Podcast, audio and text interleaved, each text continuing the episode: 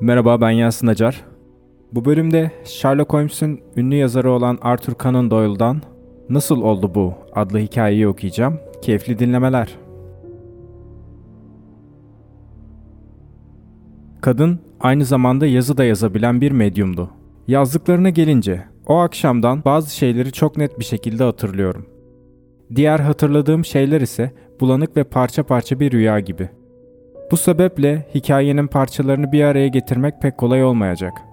Benim Londra'ya gitmeme neden olan ve oradan bu kadar geç döndüren şeyin ne olduğunu hiç bilmiyorum. Oraya yaptığım diğer ziyaretler birbirine karışıyor ancak küçük banliyö istasyonunda inişimden itibaren her şey çok açık. Her anını gözümün önünde canlandırabiliyorum. Platformda gezdiğimi ve duvardaki ışıklı saate baktığımı, saatin 11.30'u gösterdiğini çok belirgin anımsıyorum. Gece yarısı olmadan eve varıp varamayacağımı merak ediyordum. Parlak farları ve etrafındaki cilalı pirinç kaplamasıyla beni dışarıda bekleyen büyük bir arabayı hatırlıyorum.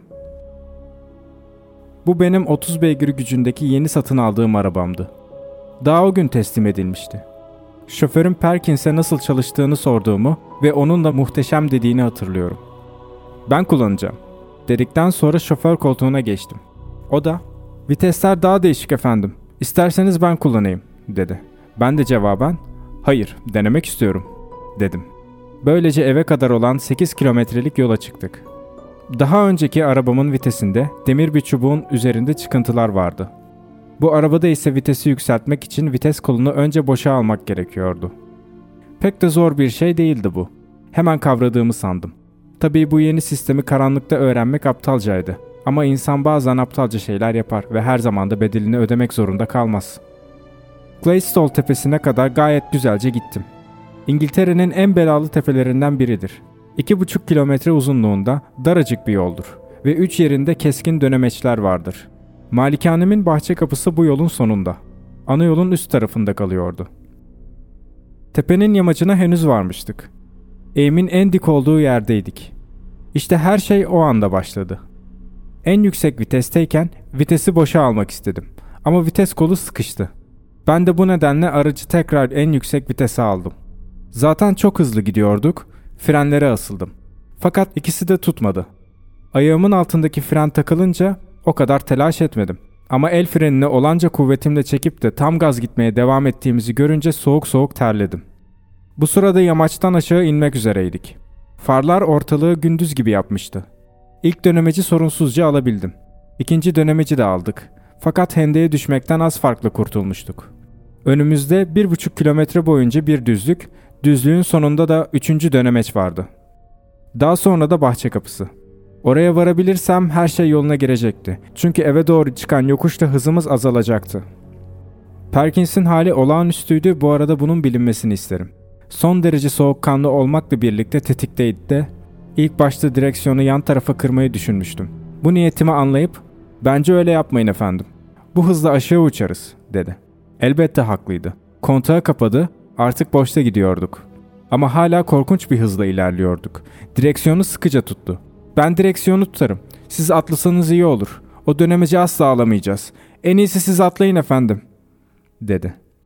Önceki araba olsaydı vites kolunu geriye çeker ve ne olacağını beklerdim. Büyük ihtimalle çarklar sıkışırdı ama bu da bir şeydi. Şimdi ise çaresizdim. Perkins benim tarafıma geçmeye çalıştı. Ama bu kadar hızlıyken zordu. Tekerlekler hızla dönüyor, kocaman gövde zorlanarak gıcırdıyordu. Fakat farlar ışıl ışıldı. Bizi dışarıdan görenler için ne korkunç fakat ne muhteşem bir görüntü oluşturduğumuzu düşündüğümü hatırlıyorum. Burası dar bir yoldu ve biz yolumuza çıkanlar için kükreyerek gelen altın bir ölümdük.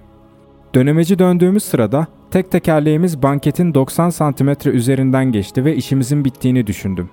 Ama bir an yalpaladıktan sonra araba tekrar ileri atıldı. Bu üçüncü ve son dönemeçti. Artık önümüzde sadece bahçe kapısı vardı. Karşımızdaydı ama kadere bakın ki tam karşımızda değildi. Dost doğru üzerine gittiğimiz ana yolun 20 metre kadar solunda kalıyordu. Bankete girdiğimizde sıkışmış olacak, direksiyonu kolay çeviremiyordum. Yoldan şimşek gibi çıktık. Artık bahçe kapısını solumuzda gördüm. Bileğimin tüm gücüyle direksiyonu kırdım. Perkins ve ben ikimiz de bedenlerimizi yana yatırdık. Saatte 80 kilometre hızla giderken Sağ tekerleğim kendi bahçe kapımın sağ tarafındaki sütuna çarptı. Çarpmanın gürültüsünü duydum. Havada uçtuğumuzu hatırlıyorum. Sonra da, sonra da.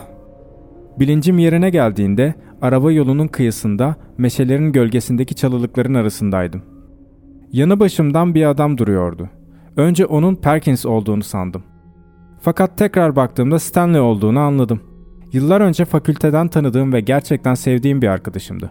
Stanley'nin karakterini çok beğenirim. Onun da beni takdir etmesi beni gururlandırdı. O anda onu karşımda görmek beni şaşırttı. Fakat sarsılmış ve sersemlemiş bir halde tıpkı bir düşte gibiydim. Neyin nasıl olduğunu fazla sorgulayamıyordum. Ne çarpışmaydı öyle. Tanrım nasıl da fena çarptım dedim. Kafasını salladı. O loşlukta bile her zaman yüzünde görmeye alışık olduğum o nazik, sevecen gülümsemeyi gördüm. Kıpırdayamıyordum. Aslında kıpırdamaya hiç hevesli değildim. Fakat bütün duyularım aşırı derecede hassaslaşmıştı. Fenerlerin aydınlattığı arabanın enkazını gördüm. Çevresinde toplanmış fısıltıyla konuşan insanları duydum. Kahya ile karısı da oradaydı. Bir iki kişi daha vardı. Arabayla ilgilenmekten beni hiç fark etmiyorlardı. Sonra aniden acı dolu bir feryat yükseldi. Bütün ağırlık üstünde, yavaşça kaldırın diye bağırdı biri. Sadece bacağım, efendim nerede? diye bağıran sesin sahibinin Perkins olduğunu anlamıştım. Buradayım diye cevap verdim. Ama beni duymuşa benzemiyordu. Arabanın önünde yatan bir şeyin üzerine eğilmişti hepsi. Stanley elini omzuma koydu. Onun bu dokunuşu çok yatıştırıcıydı. Her şeye rağmen kendimi hafiflemiş ve mutlu hissettim. Ağrın yok herhalde, dedi. Hiç yok. Hiç olmaz zaten, dedi. Sonra birden hayrete düştüm. Stanley, Stanley, nasıl olur? Stanley Boer Savaşı'nda, Bloemfontein'da tifodan ölmüştü. Stanley, diye bağırdım. Kelimeler boğazımda düğümlenmişti. Stanley sen ölüsün. Bana doğru o aynı eski nazik ve efkarlı gülümsemesiyle baktı. Sen de öyle